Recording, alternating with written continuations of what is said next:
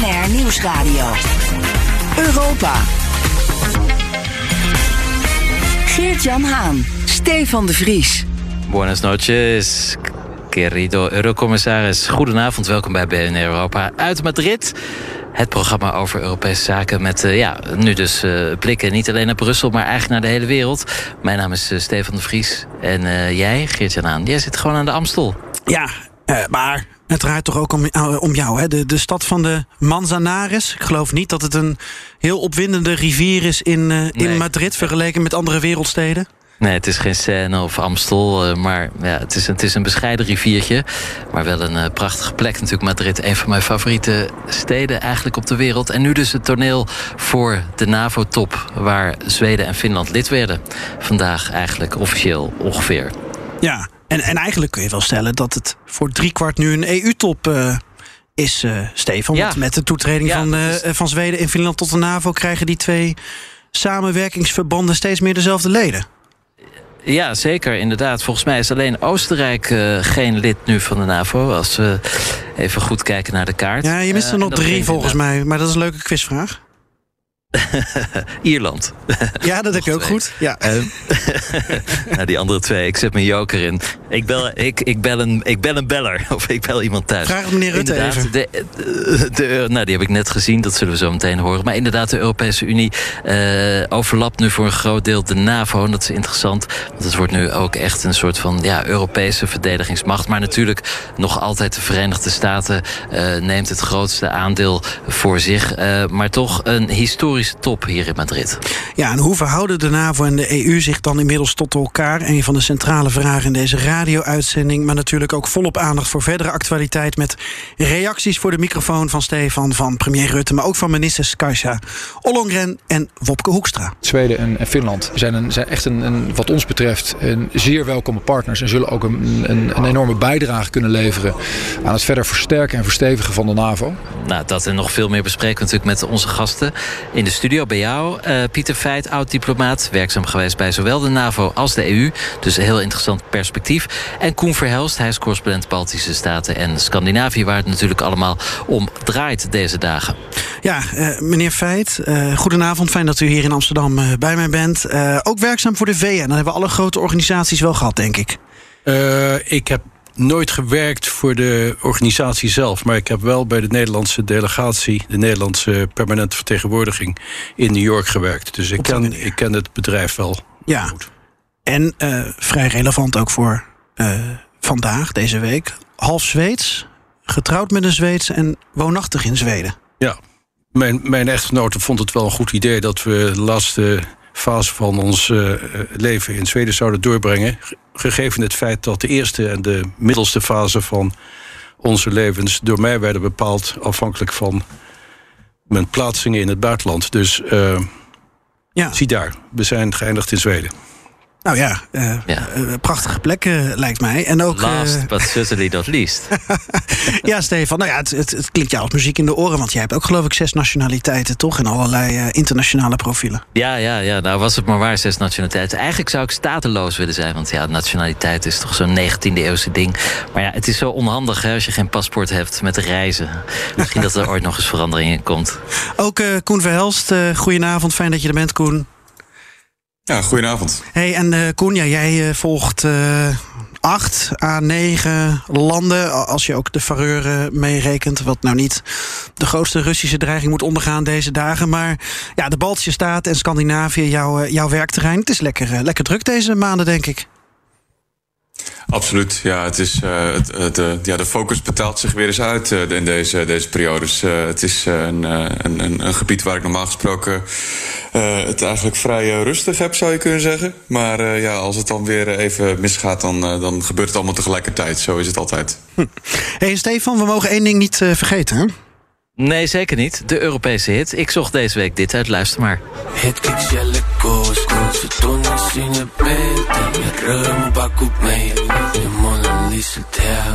Ja, van lied is het maar één letter minder naar lid. Is dit een NAVO en EU-lid, dit nummer? Uit welk land komt, uh, um, komt, komt, komt dit? nou, het is een land dat we nog niet eerder hadden. Dus de, de fans van de Europese nummer 1 die moeten natuurlijk nu snel gaan zoeken. Maar welk land het wel is, ja, dat hoor je zo. Dit is BNR Europa. Eurocommissarissen Haan en de Vries houden de Brusselse zaken scherp in de gaten. Ja, Stefan, de Europese Week, we pakken er altijd iets uit. En ik, ik vroeg eerder vandaag aan jou van... Goh, heb je nou niet iets dat jou is opgevallen op die NAVO-top in Madrid? Want de inhoud, daar gaan we het zo over hebben. En toen zei je eigenlijk nee, het is een beetje saai. nou, saai. Kijk, het, het, het, klinkt een beetje blasé, maar ik, ik heb natuurlijk heel veel van deze toppen al meegemaakt. Dus ik ken het eh, klappen van de zweep. Ik zit, om een, voorbeeld om even te schetsen, op een soort rij. Eigenlijk de rij van, van, van Madrid, eh, de, de Feria. Echt tientallen hele grote hallen. Dat is helemaal afge, afgezet. Er is verder niemand anders behalve de journalisten en de deelnemers aan de top. Zeer zwaar beveiligd. Ja, in een grote hal zit je dan met een stuk of duizend eh, journalisten uit de hele wereld. Dan zie je soms wel bekende gezichten. Nou, dat is wel gezellig.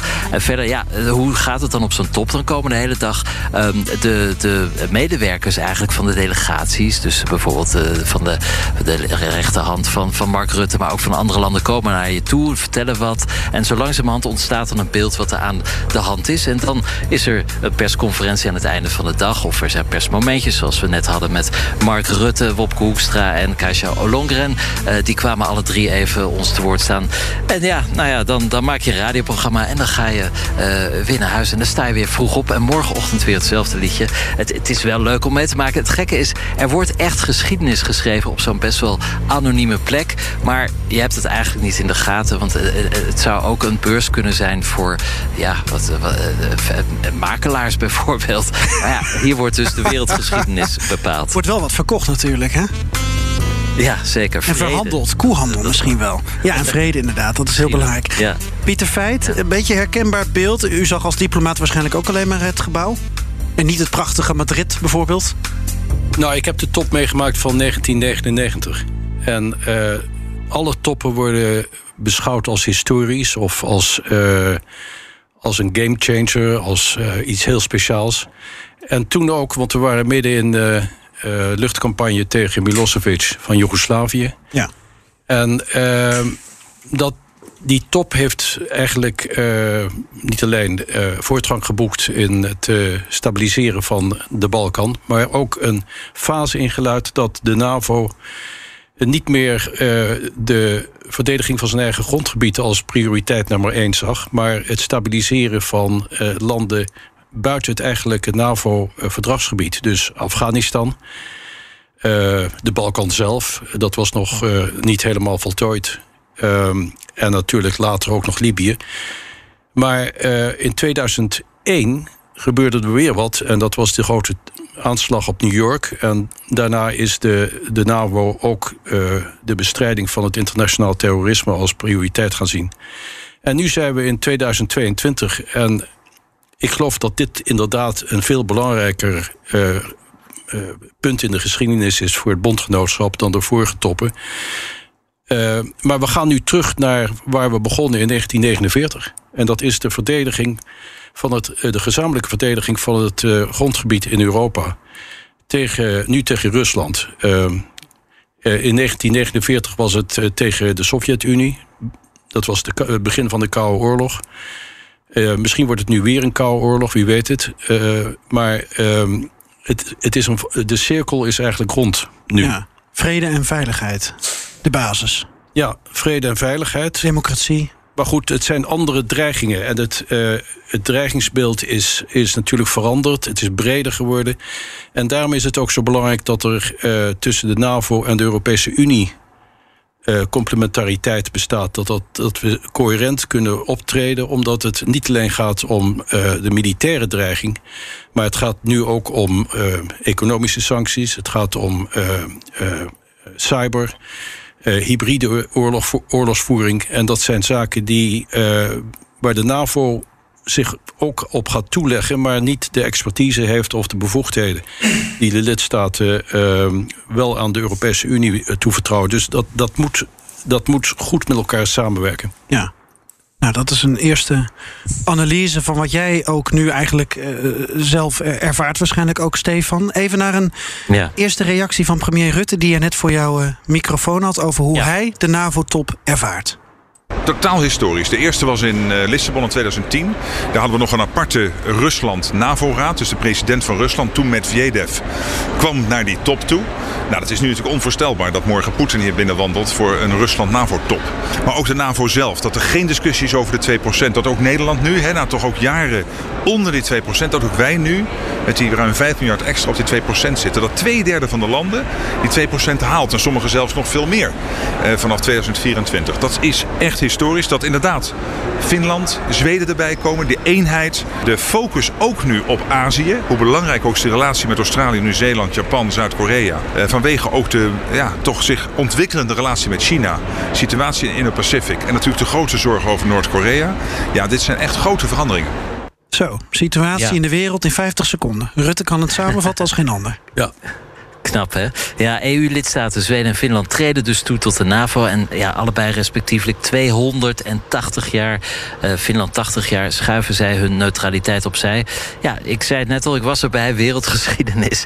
Um, maar ja, er was toch echt wel wat opluchting, voorzichtige opluchting. want tegelijkertijd uh, wordt natuurlijk ook ja, ja, de, situatie in Oekraïne steeds ernstiger. Uh, maar in ieder geval, um, ja, dit, dit is toch iets wat we vier maanden geleden voor het begin van de oorlog absoluut niet hadden kunnen voorzien. Ja, nou, laten we het dan eh, straks eh, uitgebreid gaan hebben over de EU en de NAVO. In hoeverre dat elkaar nou aanvult of toch voor een deel ook op elkaar begint te lijken. Maar eerst inderdaad die reacties uit uh, de lidstaten. Um, en ook wel op die draai van Turkije, want daar draaide het toch even om. Uh, ja, de gijzeling ja. eigenlijk van, van Erdogan, Stefan. En je hebt iedereen langs je microfoon gehad. Ik kreeg net ook een foto van jou door waarbij Rutte, Hoekstra en Ollongren... die staan eigenlijk allemaal in de rij voor jou. Dat vind ik dan wel weer goed gedaan. Die gele microfoon van ja, BNR valt dan toch op. Ja, dat kun je allemaal uh, suggereren met één plaatje. Maar de werkelijkheid was dat we met alle collega's samen stonden natuurlijk. Maar inderdaad, ze kwamen ons alle drie uh, toespreken. Uh, of in ieder geval onze vragen beantwoorden. luisteren we even naar Wopke Hoekstra, wat hij zei over Turkije. Hoe is de stemming onder de regeringsleiders en de ministers... nu het Turkse veto tegen Zweden en Finland toch ineens best wel snel van tafel is gegaan? Uh, grote tevredenheid dat het gelukt is.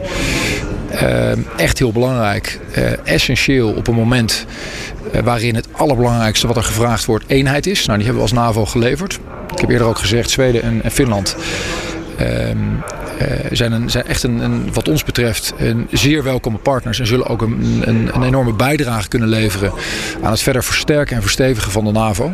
Uh, als je dat nog geabsorbeerd hebt, nou ja, dan heb je dus al die andere onderwerpen ook om uh, het nog met elkaar over te hebben. Ja, en Stefan, uh, champagne open, maar het glas zat dus vol opluchting bij Zweden, Finland en eigenlijk ook wel de andere aanwezigen. Ja, opluchting, maar toch ook wel de wetenschap dat er nog heel veel werk uh, te verzetten valt. En ja, dat, dat dit een nieuw hoofdstuk is in, uh, in de NAVO-geschiedenis. Uh, maar ja, waar het boek dan naartoe gaat, dat weet eigenlijk niemand. Nee.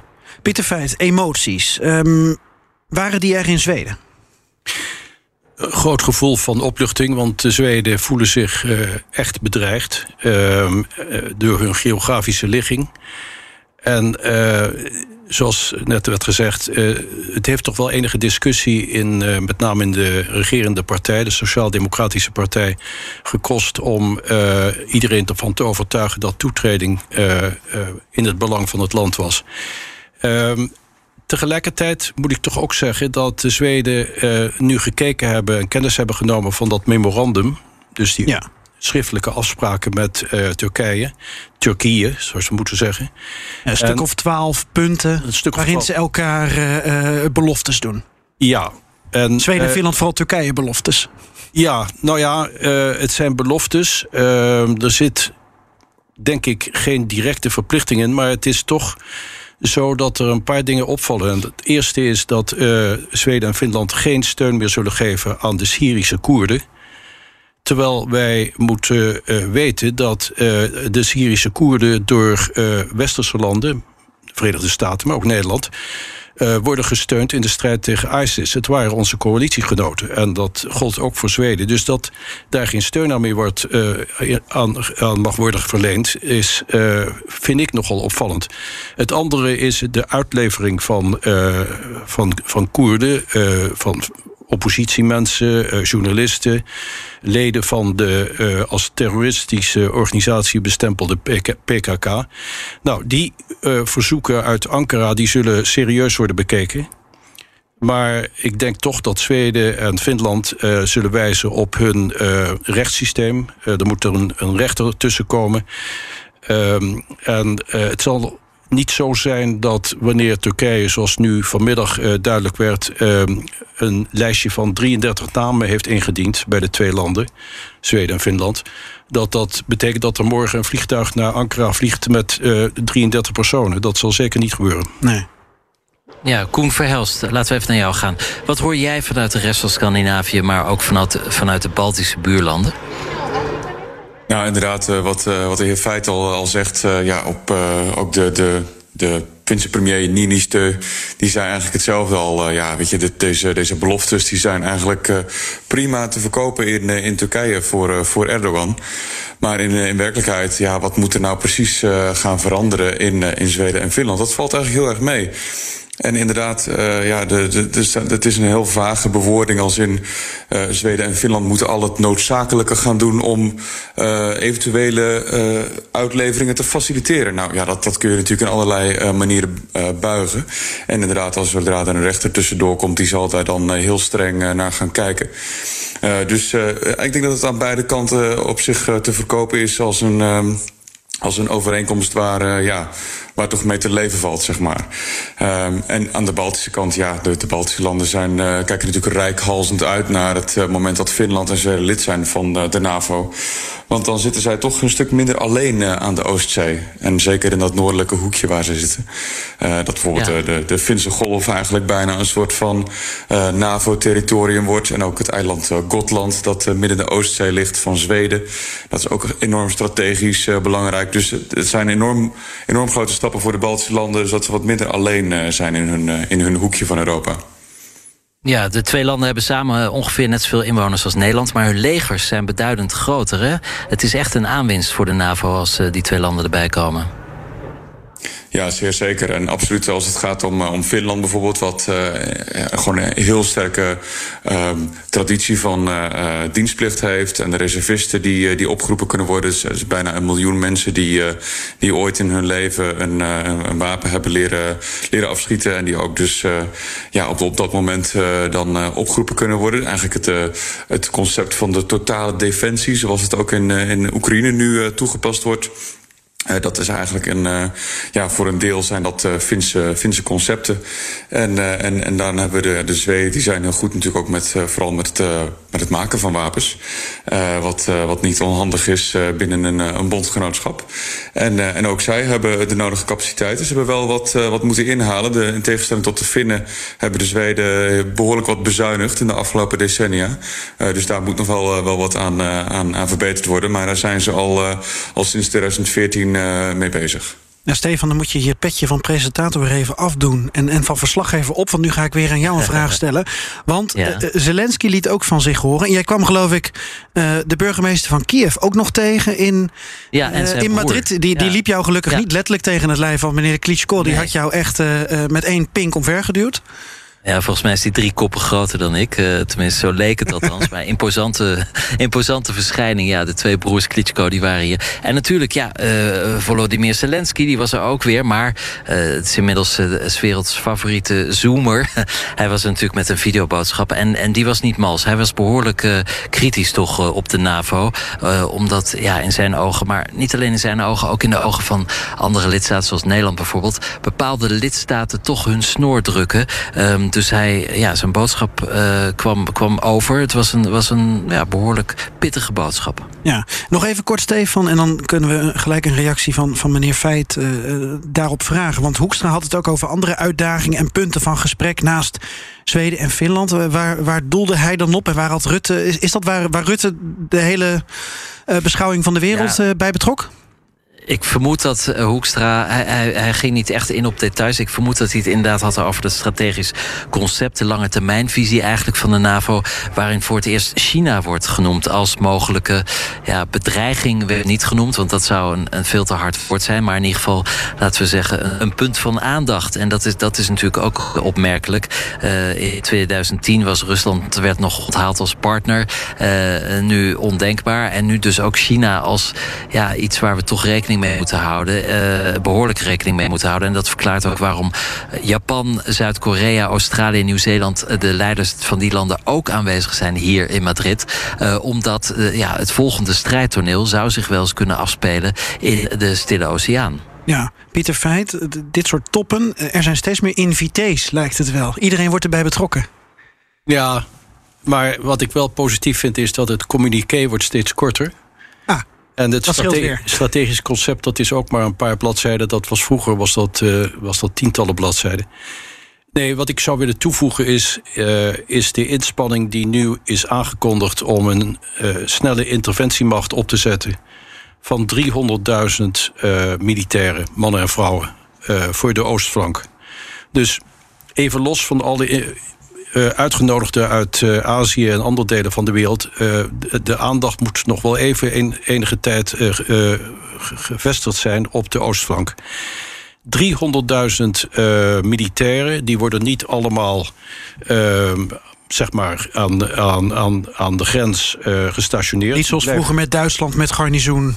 Nee, er worden geen garnizoensteden gebouwd. Maar ze moeten wel, als het als het nodig is, moeten ze onmiddellijk op korte termijn moeten ze, uh, op hun plaats zijn. Dus die paraatheid die is hoog.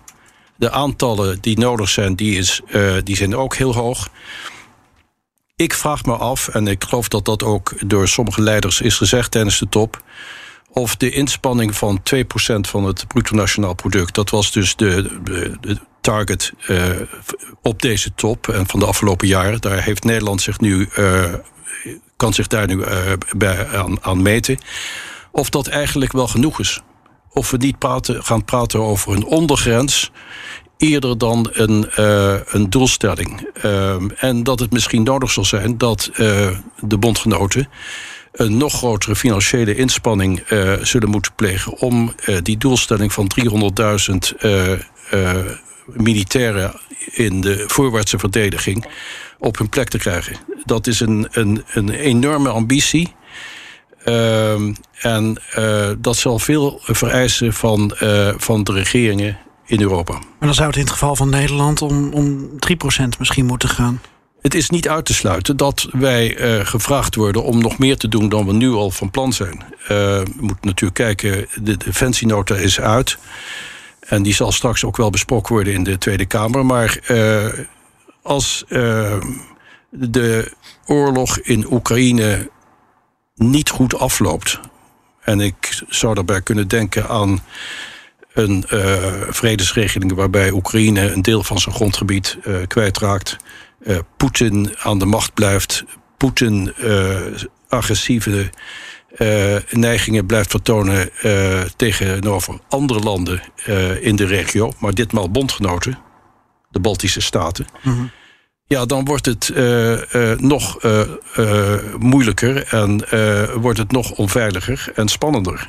En dat zal dus een reactie vereisen in de hoofdsteden.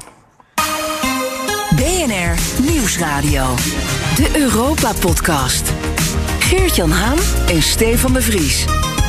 Je luistert nog steeds naar BNR Europa. We hebben het over de NAVO-top in Madrid en over de verhouding EU en NAVO. Uh, samenwerkingsverbanden die toch ook steeds meer op elkaar beginnen te lijken in zekere zin. Bijvoorbeeld als het gaat om interventiemachten. Uh, Stefan, jij sprak eh, in Madrid, want daar ben jij met uh, minister van Defensie, Kajsa Ollongren, over de uitbreiding ja. van die NAVO-interventiemacht. Kunnen we luisteren of wil je hem nog introduceren? nee, laten we maar even luisteren wat zij te zeggen had. Kunt u vertellen wat de status is van het plan van Stoltenberg om de snelle interventiemacht uit te breiden? Want het leek erop dat de lidstaten een beetje overvallen waren door dat plan. Nou, dat, dat denk ik niet, want we hebben hier lang over gesproken, ook met de minister van Defensie in, uh, in Brussel. dus het, het concept wat eigenlijk ziet op dat we echt jarenlang het kunnen volhouden met elkaar. Wat dus uh, flexibel is, wat duurzaam is. Dat was het plan wat de NAVO heeft gepresenteerd. Wat ook de hoogste militairen van de NAVO ons hebben voorgehouden. Uh, en de secretaris-generaal die heeft het nu vertaald ook naar, naar aantallen. maar wat ik net al zei, dat is één aspect van het plan. Het, het gaat natuurlijk ook over het materieel. Het gaat ook over de samenwerking onderling. Uh, en het gaat er vooral over dat we het lang kunnen volhouden. Want we weten niet hoe de dreiging van Rusland zich ontwikkelt. En we weten wel dat er ook nog andere dreigingen zijn. De afgelopen maart is er juist afgesproken dat er een nieuwe EU-interventiemacht komt. Daar gaan landen ook aan leveren. Koen, ook in jouw regio zijn ontzettend veel landen lid. En van de NAVO en van de EU. Zeker met Zweden en Finland die er nu bij komen. Enig idee hoe zich dat tot elkaar gaat verhouden? Twee van die interventiemachten? Nou, ik denk dat er heel veel uh, overlap zal, uh, zal zijn. In de zin dat het uh, inter de interoperabiliteit, zoals het dan met een mooi woord heet, alleen maar zal, zal bespoedigen. Er wordt nu al behoorlijk wat samengewerkt met Finland en Zweden onder een soort van EU-noemer. Estland en Finland hebben een aantal samenwerkingsovereenkomsten. Zweden heeft dat ook met Letland en met Litouwen. En zo zijn er allemaal dingen, allemaal andere dwarsverbanden met bijvoorbeeld binnen de Europese Unie, zoals Polen en Zweden. En zo kun je eigenlijk eigenlijk een hele, hele lijstje maken met allerlei landen die al met elkaar samenwerken. Uh, en dan is eigenlijk ja, die, die extra laag van de NAVO, die komt daar dan bovenop als een, uh, als een soort van warme deken van artikel 5, zou je kunnen zeggen. Uh, dus nou ja, volgens mij voor, voor een heel groot deel van. Um, van de Europese Unie-lidstaten is dat alleen maar goed nieuws. Want het belangrijkste is natuurlijk vooral dat dan ook de, de slagkracht van, van landen zoals het Verenigd Koninkrijk en, en, en de Verenigde Staten daar, daarbij hoort. Ja, Pieter Feit, hoe luistert u hiernaar? Nou, ik wou, het klinkt nogal technisch, maar uh, er is één aspect wat, we, wat, wat ik zou willen noemen. En dat is dat uh, het kan niet zo zijn, dat is geloof ik ook afgesproken nu, dat eenheden die door lidstaten worden aangeboden, zeg maar door de NAVO-bondgenoten, dat die ook uh, worden aangeboden aan de Europese Unie. Dus dat die als het ware double-headed zijn. Ja. Dus uh, dat is op zich zou dat uh, voor uh, de lidstaten de zaak uh, verlichten. maar het probleem is dat wanneer wij zeg maar de luchtmobiele, een luchtmobiele eenheid aanbieden aan de Europese Unie. En die zitten in Afrika voor een stabiliseringsmissie. Dan zijn ze dus niet op korte termijn beschikbaar voor de NAVO. Dus dat wil men vermijden. Dat mag dus niet. Uh, ik denk dat de taakverdeling zo zal zijn, grosso modo, dat de uh, verdediging van het grondgebied aan de Oostflank, dat wordt een, een NAVO-verantwoordelijkheid. En het stabiliseren van, uh, van uh, fragiele landen, fragiele landen in Afrika of in het Midden-Oosten of elders, dat dat meer de verantwoordelijkheid van de Europese Unie kan worden. Maar dat is een een, een taakverdeling die misschien uh, niet al te, al te uh, absoluut moet worden gedefinieerd. Misschien kan er andere uh, vormen van samenwerking nog bij worden bedacht. Maar dit is ongeveer waar het op, op neer zal komen. Ja, Stefan. Ja, als jij, ik daar wat aan toe mag. Jij mag daar zeker wat aan toevoegen. Of wil je eerst naar premier Rutte luisteren, die jij voor je microfoon had over het Europese defensiebeleid? Ja, laten we even naar Mark Rutte luisteren, inderdaad. Kijk, het Europese defensiebeleid is nooit bedoeld als een alternatief voor NAVO. Dat, dat was vaak het verhaal. Hè. Oh, dan gaat Europa ook aan defensie doen en dat gaat concurreren met de NAVO. Nooit de bedoeling geweest. Wat je wel wilt als Europa is dat je in staat bent, ook zelf, als er problemen zich voordoen, die op te lossen. Kijk naar de toch wel heel rommelig verlopen evacuatie uit Afghanistan. Uh, alle landen hebben er verschrikkelijk moeite mee gehad het voor elkaar te krijgen. Uh, zou je nou in Europa dit soort dingen beter georganiseerd hebben, dan zou je als Europa ook zo'n evacuatie kunnen vormgeven. We doen als Europa al heel veel. In Mali, in, in Irak en op andere plekken. Dat kun je ook verder versterken. Maar het is niet in concurrentie met de NAVO. Het is ter versterking van de NAVO. Nou gaat Nee, wat ook, eh, ja, dus niet in concurrentie met de NAVO. Wat een heel belangrijk punt zou kunnen zijn van meer Europese samenwerking, is samen materiaal inkopen, allerlei uh, spullen op elkaar afstemmen. Want nu heeft eigenlijk elk land zo'n beetje zijn eigen normen. Dat kost heel erg veel geld. Meneer Feit had het net over, misschien gaan we van 2 wel naar 3 procent. Maar als we onze uh, middelen zouden harmoniseren en, en beter op elkaar zouden afstemmen, dan zouden we, schatten sommige experts, wel al een half procent kunnen besparen. Dus daar zit ook al heel veel geld. Dus ja, we gaan ontegenzeggelijk naar veel meer Europese defensiesamenwerking. Betekent nog niet een Europees leger. Maar het bestaat dus als een soort van ja, een, een aparte schil of een, een Siamese tweeling van de NAVO. Ja, dan komen we uit bij het antwoord op de quizvraag. Namelijk welke landen zijn lid van zowel EU als NAVO? Uh, je noemde inderdaad Oostenrijk en Ierland. Uh, volgens onze informatie uh, zijn ook Malta en Cyprus nog de twee ontbrekende landen bij de NAVO in dat geval. Ja, natuurlijk. Het, het Malta heeft natuurlijk de kruis, kruisridders. Maar Pieter Feit? Het probleem is dat Turkije is dus geen lid van de Europese Unie. Griekenland en, en Cyprus is geen lid van de, van de NAVO. Griekenland wel. En die situatie heeft in het verleden uh, een hoop goede samenwerking in de weg gestaan. Want de Turken hebben steeds uh, uh, de ontwikkeling in de Europese Unie proberen te dwarsbomen. Ze doen nu wel mee met PESCO, dat is een operationele vorm van de Europese Unie om materieel samenwerking of op andere terreinen uh, projecten uit te voeren. Daar wil Turkije bij betrokken uh, worden. Ehm, en omgekeerd zou het goed zijn als ook Cyprus ergens betrokken wordt bij het werk van de NAVO. maar de dialoog tussen die twee organisaties is ehm, heeft, heeft altijd onder de hypotheek gestaan van het geschil tussen Turkije en, en Griekenland en Cyprus. En dat uh, zou ik hopen dat dat uh, nu een keer kan worden opgelost. Want dat zou de, de, de, de samenwerking nog beter maken, nog coherenter. Koen Verhelst, jij bent ook in dat uh, memorandum Zweden, Finland, Turkije gedoken. En ook jou viel PESCO op. Kun je even toelichten wat dat inderdaad precies inhoudt en wat, wat Turkije daarvoor belang bij zou hebben? Nou ja, PESCO is inderdaad dus een soort van samenwerkingsverband binnen de Europese Unie als het om, uh, om uh, veiligheid en, en defensie aankomt. En, en Turkije, ja, Turkije staat natuurlijk al, al, al, decennia in de wachtkamer voor de Europese Unie. maar heeft wel een soort van belang om, om, om toch ja, dicht bij het vuur te blijven zitten. Dus mijn inschatting, en ik, ik, ik hou mezelf niet echt bezig met, met Turkije, maar toen ik het, het memorandum las, toen maakte ik er eigenlijk uit op dat zij dus. Uh, deze, ja, deze dat hele ge, geruzie rondom uh, uh, Koerdische. ja, ik wil het geen terroristen noemen, want dat, is, dat, dit, dat ligt er maar aan wie het vraagt.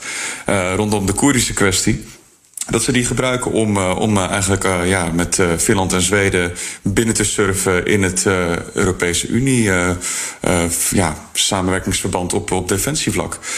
dat is voor ja, Turkije is natuurlijk heel interessant, want Turkije ligt op een heel strategische plek. En ze weten ook, Erdogan weet wel goed dat dat uh, Europa hem nodig heeft op allerlei vlakken. En, uh, en, en in heel veel conflicten in de laatste jaren heeft Turkije toch vaak het vieze werken opgeknapt in, in, in, de, in Nagorno-Karabakh een aantal jaar geleden, in Syrië. En er zijn toch wel een aantal punten waar, ja, waar Turkije toch de kastanjes uit het vuur haalt.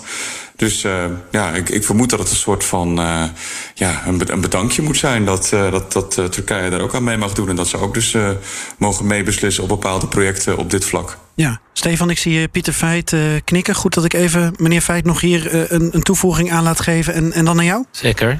Zeker. Ik, ik wil alleen toevoegen dat Nederland ook belang hecht aan deelname van Turkije aan sommige projecten. Dus Nederland is trouwens coördinator van PESCO ook. Het is oorspronkelijk zelfs een soort van Nederlands idee, geloof ik. Maar ik dacht van een van de projecten. Maar... Oké. Oh ja, van de military mobility. Maar daar gaat het volgens mij in dit geval ook om. Ja. Maar Turkije heeft uh, iets bijzonders te bieden. Dat zijn de drones. Um, ze maken drones die buitengewoon effectief zijn. Uh, kosteneffectief. Uh, ze worden ook en zijn geleverd aan Oekraïne en ingezet in de oorlog. En um, de drone is een um, slagveldwapen voor de toekomst. En ik denk dat dat best wel eens handig zou kunnen zijn voor de Europese Unie. En zeker ook voor de NAVO. Als Turkije zijn, uh, zijn know-how op het gebied van, uh, van, van, dat wapensoort, de drones, uh, kan delen met, met, met partners. Ja. Dat zou heel goed zijn. En Stefan, um, er wordt volgens mij vanuit de Europese Commissie heel erg nagedacht over de, de Global Gateway. Dus uh, een soort ja. uh, tegenhanger van, de, van het Chinese Belt and Road, Belt and Road. initiatief. Ja. ja. als je dan een global gateway van, nou in het geval van Ierland, Atlantische Oceaan tot aan de Bosporus, wat Zwarte Zee en Middellandse Zee hebt, nou dan heb je een aardige gateway te pakken. Dus de commissie zal het wel ja. zo gaan spinnen. Die zal er wel blij mee zijn. Ja, zeker. Het is natuurlijk ook uh, interessant dat Georgië uh, deze week het, uh, of vorige week alweer perspectief op de Europese Unie lidmaatschap oh ja, heeft. Perspectief, mooi woord. Het perspectief, Europees perspectief. en dat land ligt natuurlijk aan de andere kant van de Zwarte Zee, echt ver weg van het centrum van de macht van Brussel. En dat roept natuurlijk de vraag op waar, waar stopt Europa eigenlijk? En ja, dat, dat is denk ik een filosofische vraag, meer nog dan een geografische of een politieke. Want op een gegeven moment ja, zou je kunnen denken, iedereen kan wel bij de Europese Unie, maar wat blijft er dan nog van over? Is het realistisch dat we zover uitbreiden naar het oosten? En ja, deze top in Madrid uh, voegt daar dan toch weer een nieuwe dimensie aan toe. Heb jij de column van Luc van Middelaar in NRC gelezen? Die indruk krijg ik bijna van, van de column nee. van vandaag van woensdag. Oké. Okay. Oh. Je bent niet zo'n ghostwriter. nee, nee, hij was wel heel lang ghostwriter, hè? Maar, maar dit is uh, misschien. Nee, nee, niet dat ik weet. Misschien zijn we verbonden via een of andere uh, telepathische connectie. Maar die vraag is, is toch echt wel relevant. Waar stopt Europa? Waar, waar begint Europa? maar die is niet in Madrid aan de orde gekomen. Nee. Nou, straks daarover nog even met Koen Verhelst naar de opgelopen spanning rond Litouwen en de Russische enclave Kaliningrad. want dat speelt toch ook wel toch even die grote vraag er nu uh, bij pakken, denk ik. De verwevenheid van NAVO en EU, uh, waar we nu een aantal elementen van hebben besproken. Um, ja, Stefan, misschien toch maar even met jou allereerst beginnen. Want wat, wat, wat heb je daar verder nog over gehoord en van meegekregen? En wat is je eigen indruk hiervan? Over de verwevenheid van NAVO en EU? Ja. Um, ja, dat is toch niet echt aan de orde geweest. Het is natuurlijk echt een NAVO-top. Uh, Groot-Brittannië is ook aanwezig, uh, dominant lid van de NAVO, en natuurlijk de Verenigde Staten. Het blijft uiteindelijk toch een Atlantisch verbond, vooralsnog. Um, en ja, de Europese Unie is dan wel aanwezig in de, in de persoon van Charles Michel, de voorzitter van de, van de Europese Raad. Um, is een volwaardige gesprekspartner, maar eigenlijk meer als, ja, als, als observator. Het, het, het de Europese Unie heeft in de NAVO geen rol. Maar ja, het, het, is, een, het is een tango eigenlijk. Ik, ik zei net Siamese tweeling. Um, misschien is dat wel de beste omschrijving. Koen Verhelst, hoe kijk jij naar... Uh, uh, ja, de, in hoeverre de, de samenwerkingsverbanden op elkaar beginnen te lijken? Nou ja, het is natuurlijk uh, makkelijk te vergeten dat de Europese Unie ooit begonnen is als een, als een echt als een politiek eh, project om een oorlog te voorkomen. Uh, en in die zin is de NAVO natuurlijk veel meer de, de, militaire component van hetzelfde idee geworden. maar ja, we, we, hebben ooit bedacht in de jaren 50 om kolen en staal in hetzelfde mandje te stoppen. om te voorkomen dat we nog een keer oorlog met elkaar gingen voeren. en dat, dat, zie je ook terug in hoe de, de, de jongere leden van de, de NAVO en de Europese Unie naar deze Het is geen, geen toeval dat uh, landen als Polen, Roemenië, maar ook de Baltische landen, dat die eigenlijk nagenoeg op hetzelfde moment van beide organisaties lid zijn geworden.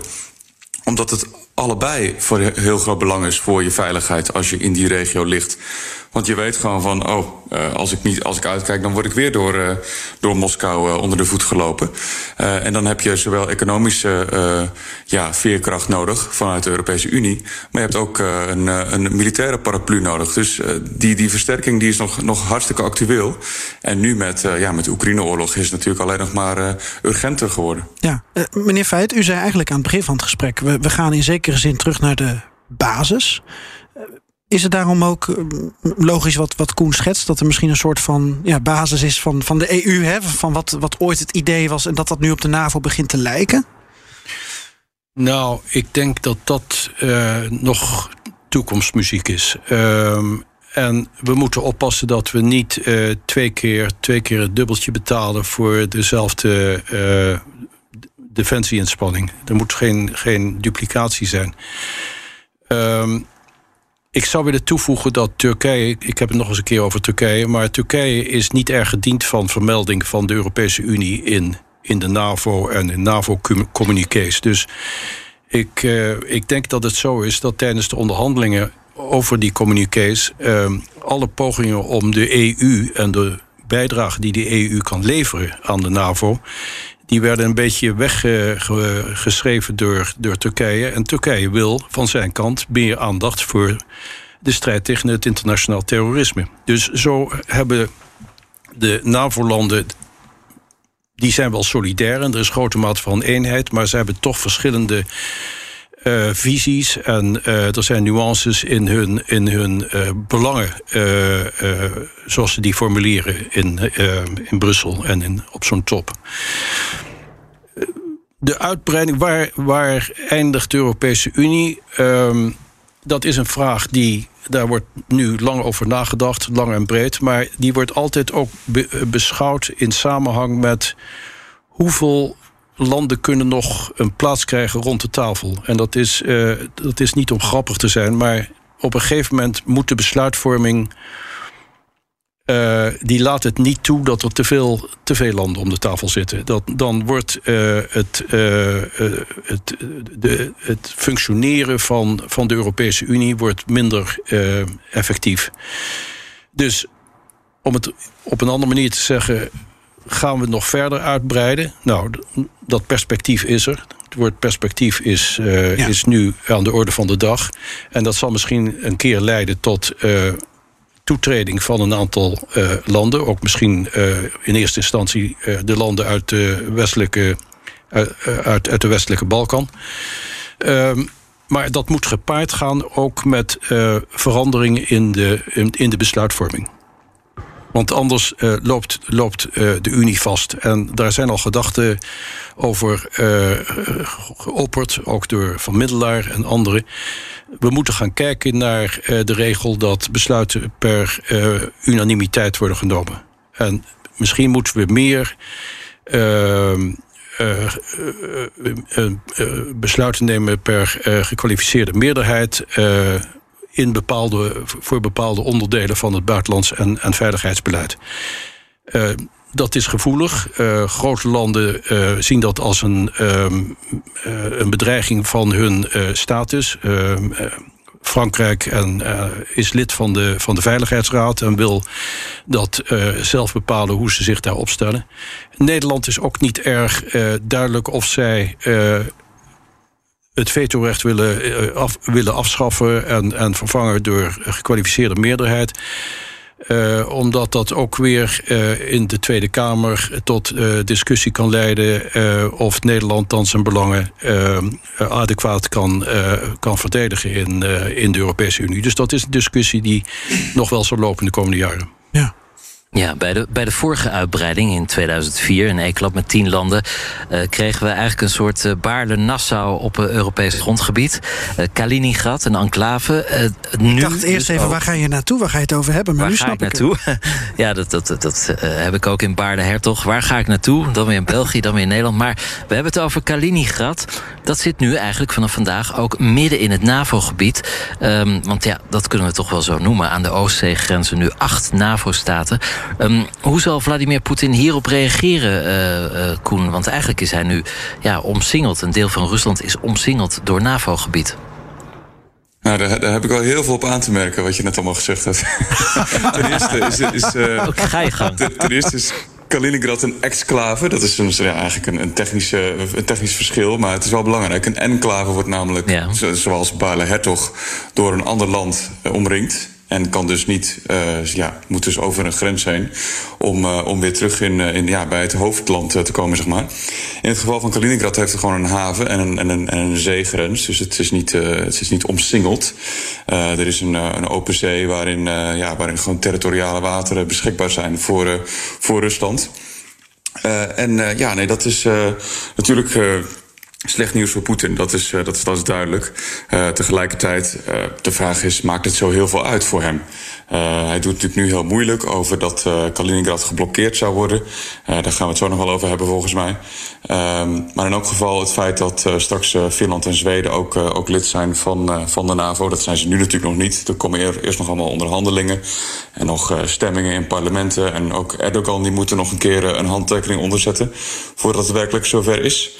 Uh, maar op dat moment uh, krijgen krijgt de NAVO wel een ander uh, ja, punt in handen. Ik las vandaag een, een interview met een, met een Estse generaal. En die, hem werd gevraagd van nou, wat, wat moeten wij nou, wat, hoe kijkt u nou naar dat kleine stukje Polen en Litouwen, het, de Suwałki-corridor? hoe kijkt u er nou naar als, als Est? Want het is nog best ver van, van uw bed uiteindelijk. Nou, zegt hij, luister, als straks Finland ook lid is van de NAVO en, uh, en, uh, en uh, Rusland die probeert iets in die regio bij Kaliningrad. Dan, dan sluiten wij gewoon de Finse golf af. En dan is Sint-Petersburg van de buitenwereld afgesneden. Ja, dat doet me denken aan de tijd dat de Nederlanden altijd de haven naar de toegang naar Antwerpen afsloten. 500 jaar geleden. Maar uh, nu we het toch over de exclave. Je weet trouwens, uh, Stefan, uh, dat, dat Koen uit Zeeuws-Vlaanderen komt. En daarom heel goed weten wat het oh, betekent om niet helemaal Zeker. aan het land vast te zitten. Ook een exclave. In, in, nee, nee, ik kom, ik kom ook uit een exclave. Ja, een exclave, klopt. Ja, ja, nou je moet door België, wil je naar, naar Nederland. Maar goed. Ja, ja, ja um, of, of door het Westerschelde-tunnel tegenwoordig, maar toch. Oh ja, natuurlijk. Um, maar goed, de, de overkant, daar, daar kom ik weer vandaan.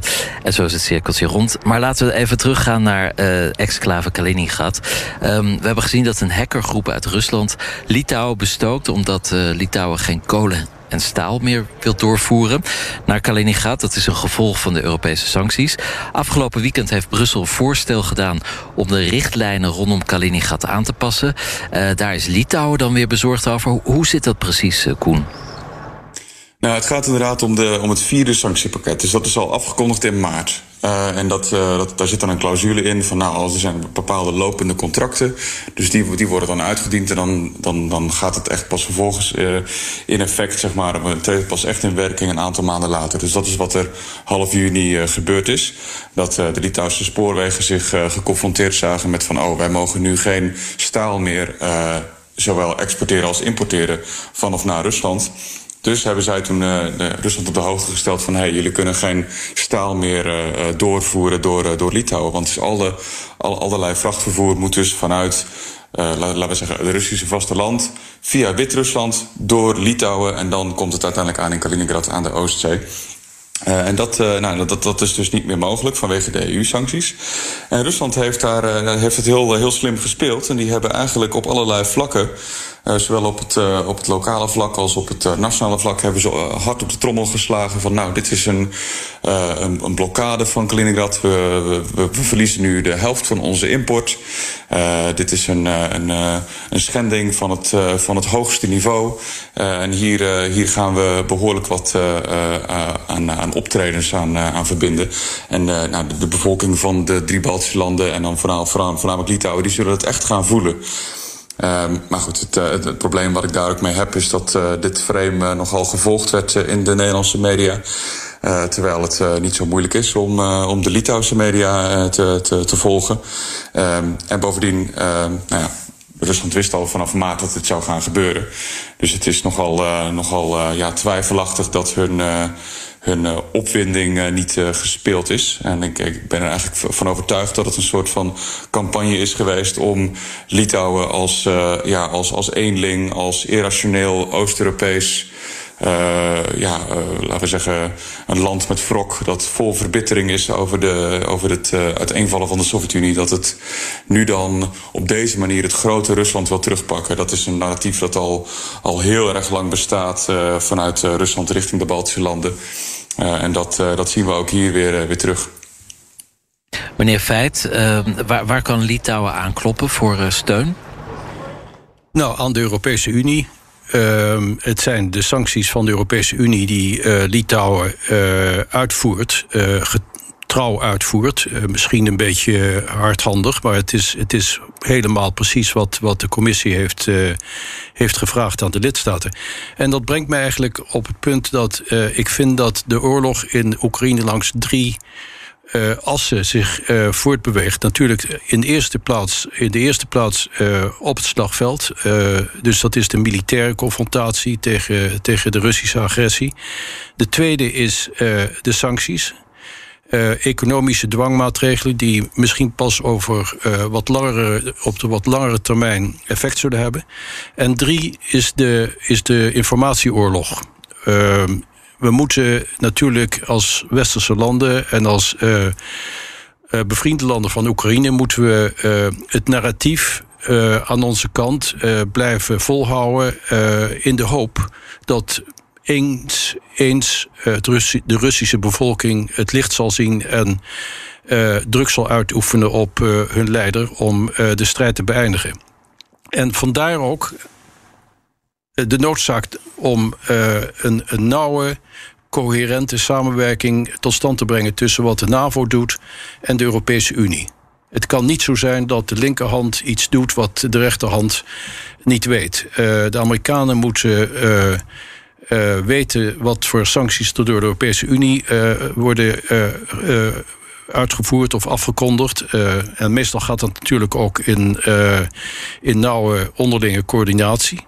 En omgekeerd moeten wij weten wat de Amerikanen willen doen tegen, tegen Rusland. Dus die, dat weerspiegelt zich in, een, in, in de noodzaak tot nauwe samenwerking tussen de EU en NAVO. Dat was het onderwerp van gesprek eerder tijdens deze uitzending. Ja, en ook voor de microfoon van Stefan. Want Stefan, ook uh, minister Hoekstra, die uh, bracht dit nog even te berde. Uh, de Europese Unie, meneer Feit had het erover, die, die maakt zich wel, wel degelijk zorgen over die dreiging. En volgens Hoekstra zijn daar achter de coulissen, hoe zeg je dat, in de coulissen? Achter de schermen en in de coulissen, ja. Daar zijn al meerdere gesprekken over, over gevoerd. Even kort nog Hoekstra over Litouwen de afgelopen uh, dagen hebben we daar natuurlijk ook in, in informele zin uh, wel over gesproken. Wat, wat, wat, wat ik van groot belang vind, uh, is dat we ook op dat onderwerp echt de eenheid bewaren. en daar is het verder niet dienstig om uit die gesprekken meer informatie te verschaffen. Daar moeten we gewoon echt als, als Europese Unie moeten we daar in eenheid en gezamenlijkheid in optrekken. Ja, nou, tot, tot zover even het aspect Litouwen. Want Koen, uh, jouw aversie tegen uh, hoe de Nederlandse media hiernaar kijkt. Ik geloof dat jij dit weekend in debat gaat hierover met Rob de Wijk. Nou, dat is natuurlijk iets om met popcorn over voor de, voor de radio uh, te zitten.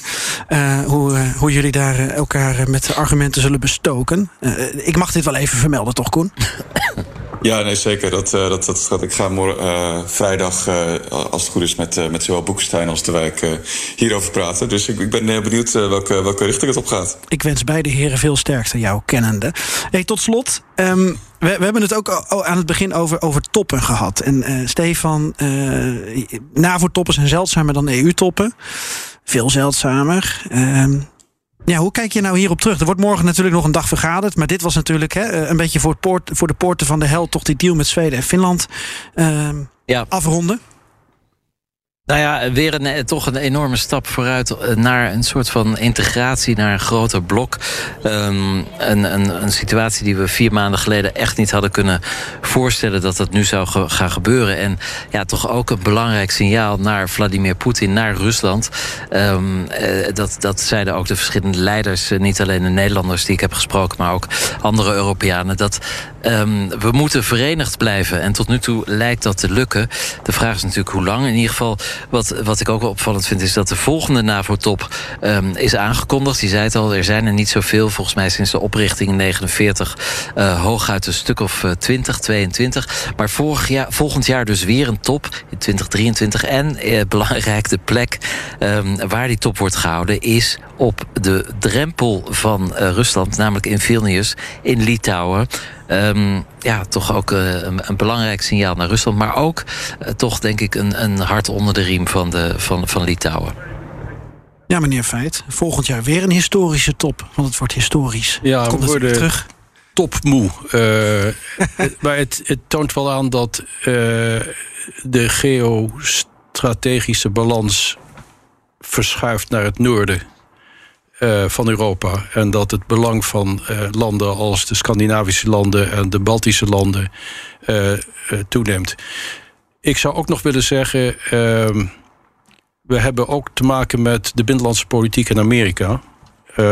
president Biden die moet worden nee, laat ik het anders zeggen. Er, worden, er zijn presidentiële verkiezingen in 2024. Dus ik denk, denk dat uh, uh, als alles meezit, dat uh, Biden nog de volgende top, top ook zal meemaken. Mm -hmm. laten we even vaststellen hoe blij we kunnen zijn dat hij er is en, en niet zijn voorganger Trump.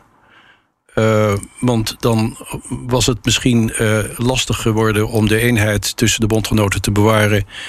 En hadden we misschien verrassingen uh, kunnen uh, incasseren uh, in Trumps manier van optreden. En ook hoe hij kijkt tegen, aankijkt tegen Poetin. die ziet hij niet als een, een bedreiging, maar eerder als een een businesspartner, geloof ik. En dat, uh, dat zou wel eens uh, uh, dramatische consequenties kunnen hebben gehad voor de NAVO. Dus blij zijn dat we Biden hebben, maar onzekerheid wat er komt na 2024.